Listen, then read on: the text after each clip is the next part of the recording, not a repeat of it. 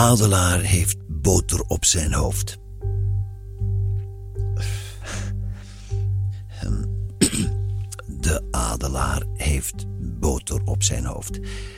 Met dat stomme zinnetje begon Simon zijn verhaal. Het was maandagavond, zes uur. Tijd om zaken te doen. Ja, dat, uh, dat was afspraak, maar Frank en Eddy waren te laat. Simon zat al aan de baar te wachten. Hij staarde een beetje afwezig voor zich uit. Ik bekeek hem op mijn gemak. Als ik ooit zijn signalement moest geven, dacht ik, zou ik beginnen met zijn glimlach. Die, die eeuwige glimlach. Ik, eh, ik grapte wel eens dat hij er toernooien mee kon winnen. Wereldkampioenschappen als ze bestonden. Hè? En in de finale zou hij moeiteloos afrekenen met de landskampioen van, ah, van Italië. Hè? Het land waar de glimlach is ontworpen. Ja, dat zou makkie zijn, hè? een walkover.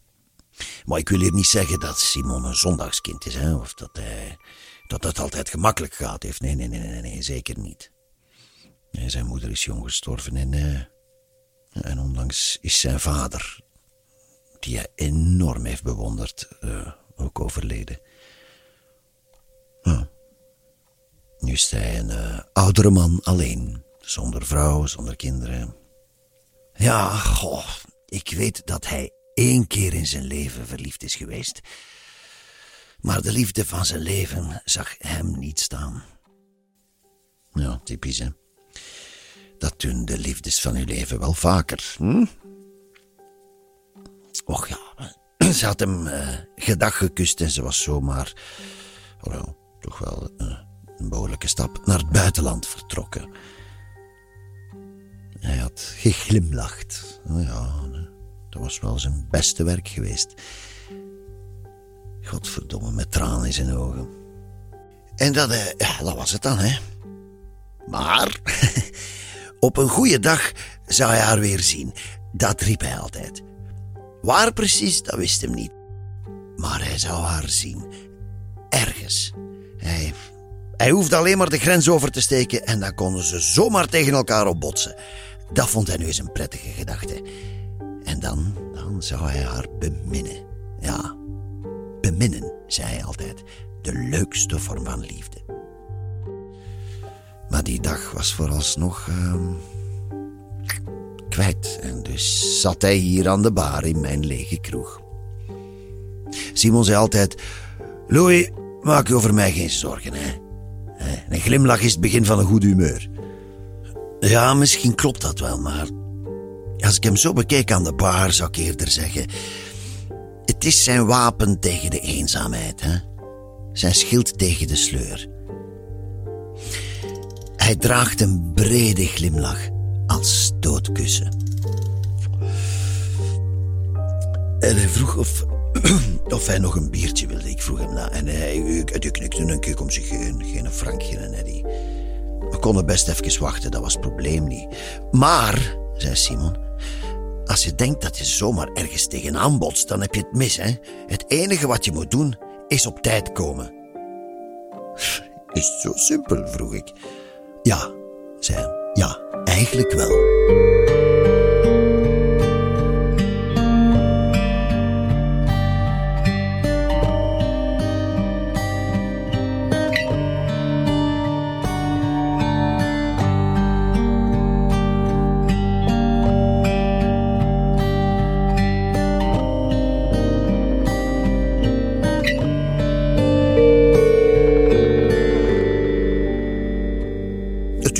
Maar Frank liep op een zeker moment het café binnen. Lomp en luidruchtig, ah, vooral lomp. Hij was de langste man van het dorp en ik kroop met een scheve nek en uh, half gebukt door de ingang. Als een soort van limbo-danser, met een, ja, toch wel merkwaardig gebrek aan talent.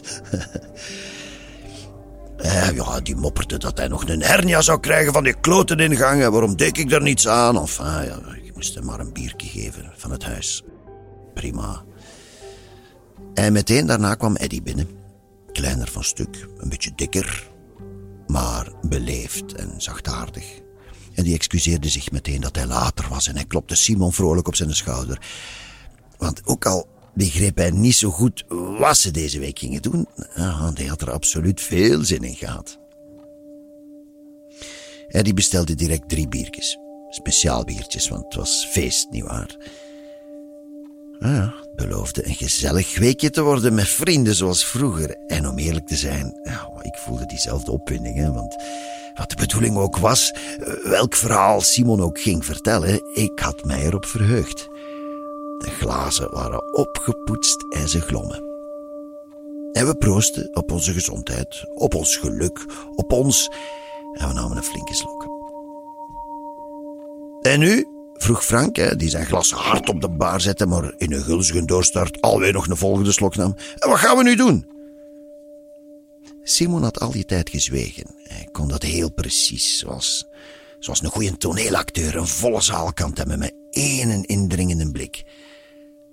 Dat is het grootste wapen van een acteur, hè? Want uh, in de stilte wordt alles echt. De woorden die zijn allemaal verzonnen. Maar als er geen woorden zijn, nou, dan moeten we het zelf bedenken. En op dat moment, op dat moment zijn wij het verhaal. En dat wist Simon, dat wist hem heel goed. En zo zat hij dan aan de bar op zijn Simonst. kalm, bedachtzaam, brede glimlach. En toen dat stomme eerste zinnetje. De adelaar heeft boter op zijn hoofd. Goed, nou ja, het, uh, het zal wel duidelijk worden, dacht ik, hè. Maar Frank was iets directer. Welke adelaar? Hoezo boter? Wat voor boter? Eddie ging er op zijn eigen manier mee om. Hij haalde een pen uit zijn zak en schreef stilletjes mee. Zoals een detective. Hè? Eddie Holmes. Simon vertelde verder. Hij begon. Uh, wacht, ja, ja. Hij begon over een klooster, dat was het. Waar zijn vader hem vroeger al over had verteld. En waar Simon inmiddels ook al vaker in zijn leven was geweest om tot rust te komen, tot bezinning. De klooster had niets met geloof te maken. Hè? God die had er nooit gewoond. Het was eerder tegenovergestelde. De mensen, ja, de mensen stelden hier de regels op. Elke bewoner hè, die mocht bij aankomst één huisregel indienen. En als minstens 54,1% van de bewoners goedkeuring gaf, dan was de regel vanaf dat moment aangenomen. Ja, dan was dat geldend recht. En een bewoner die het langst in het klooster verbleef, was verantwoordelijk voor de ontvangst van de nieuwe gasten. Het, uh, het hoe zeg je dat? Uh, het, het welkomstritueel, hè? En dat was een charmante vrouw. Die was mooi en slim, hoewel uh, als ze op de leeftijd was, had ze toch nog altijd die pretoogstjes van een puber. En Simon, die noemde haar de non. Zij verwelkomde de nieuwe bewoners op haar, op haar eigen, ja, ludieke manier. Ze stelde drie vragen, zoals wat dat hun favoriet dier was, of hoe, lang dat ze op één been konden staan. Hij weet wel, onzinvragen. Maar de laatste vraag, zei Simon, was altijd hetzelfde. Weet jij mijn telefoonnummer? oh nee, dat wist niemand natuurlijk. Hoe moest je dat ook weten?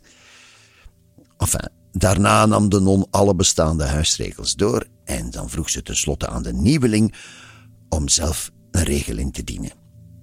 Als dat was gebeurd, gaf ze twee sleutels en dan wenste je plechtig een goed verblijf. En alle wijsheid. Wacht, wacht even, niet zo snel, riep Eddie. Ja, die schreef driftig mee, hè, maar hij hield het niet bij. Ja, Simon maakte een sussend gebaar. Het was, oeh, het was niet zo ingewikkeld. Hij kwam nu en dan in een klooster. Elke bewoner daar bedacht één huisregel en dat waren vaak vrolijke bedenksels. Zo mocht je alleen klagen als je het zingend deed. Tijdens de lunch sprak men in rijmvorm. En wie als laatst ging slapen, liet een wijsheid achter op het krijtbord in de woonkamer. En Frank die keek ook al verward. Hè. Ja, wat als dat je niet deed? vroeg hij. Als, als, als je die regeltjes zomaar vergat of gewoon geen zin had in dit soort van idiotie, wat gebeurde er dan? En Simon ging daar niet op in en die vertelde gewoon stug verder. Hij kon de naam van het klooster wel zeggen. Hè. Mirinda Domo. Want ja, het was bekend onvindbaar. En laten we wel wezen, Frank en Eddie vonden de supermarkt in het dorp al verlopen. Nee, die zouden dat klooster niet snel gaan bezoeken. Nee. Daarom vertelde Simon erover. Daarom nam hij zijn vrienden mee op avontuur. Vanuit mijn kroeg in ons slapende dorp dat je met geen defibrillator nog wakker kon schokken. De verbeelding was de laatste hoop. maar Frank probeerde het nog een keer. Hè. Ja, hallo, die huisregels. Wat als je die niet in acht nam? Simon glimlachte, maar hij gaf geen antwoord. Hij was twee maanden geleden, vlak na het overlijden van zijn vader, naar het klooster gegaan, want zijn vader had hem op zijn sterfbed verteld dat er eh, hier iets te vinden was. Een boekje. Ja, een uh, bijzonder boekje. Hij moest goed zoeken. Ja, ja, en dan zou hij het vinden. Dus was hij afgereisd hè, naar het klooster. En op een dag had Simon daar een lange wandeling gemaakt. Mm, heerlijk gegeten en s'avonds nog een goed glas wijn gedronken op de veranda voordat hij op zijn kamer in een diepe slaap was gevallen. De volgende ochtend liep hij uitgerust de woonkamer binnen, wreef zijn ogen, zette zijn leesbril op en hij las de boodschap op het krijtbord. Hij mompelde de woorden zachtjes in zichzelf. De adelaar heeft boter op zijn hoofd.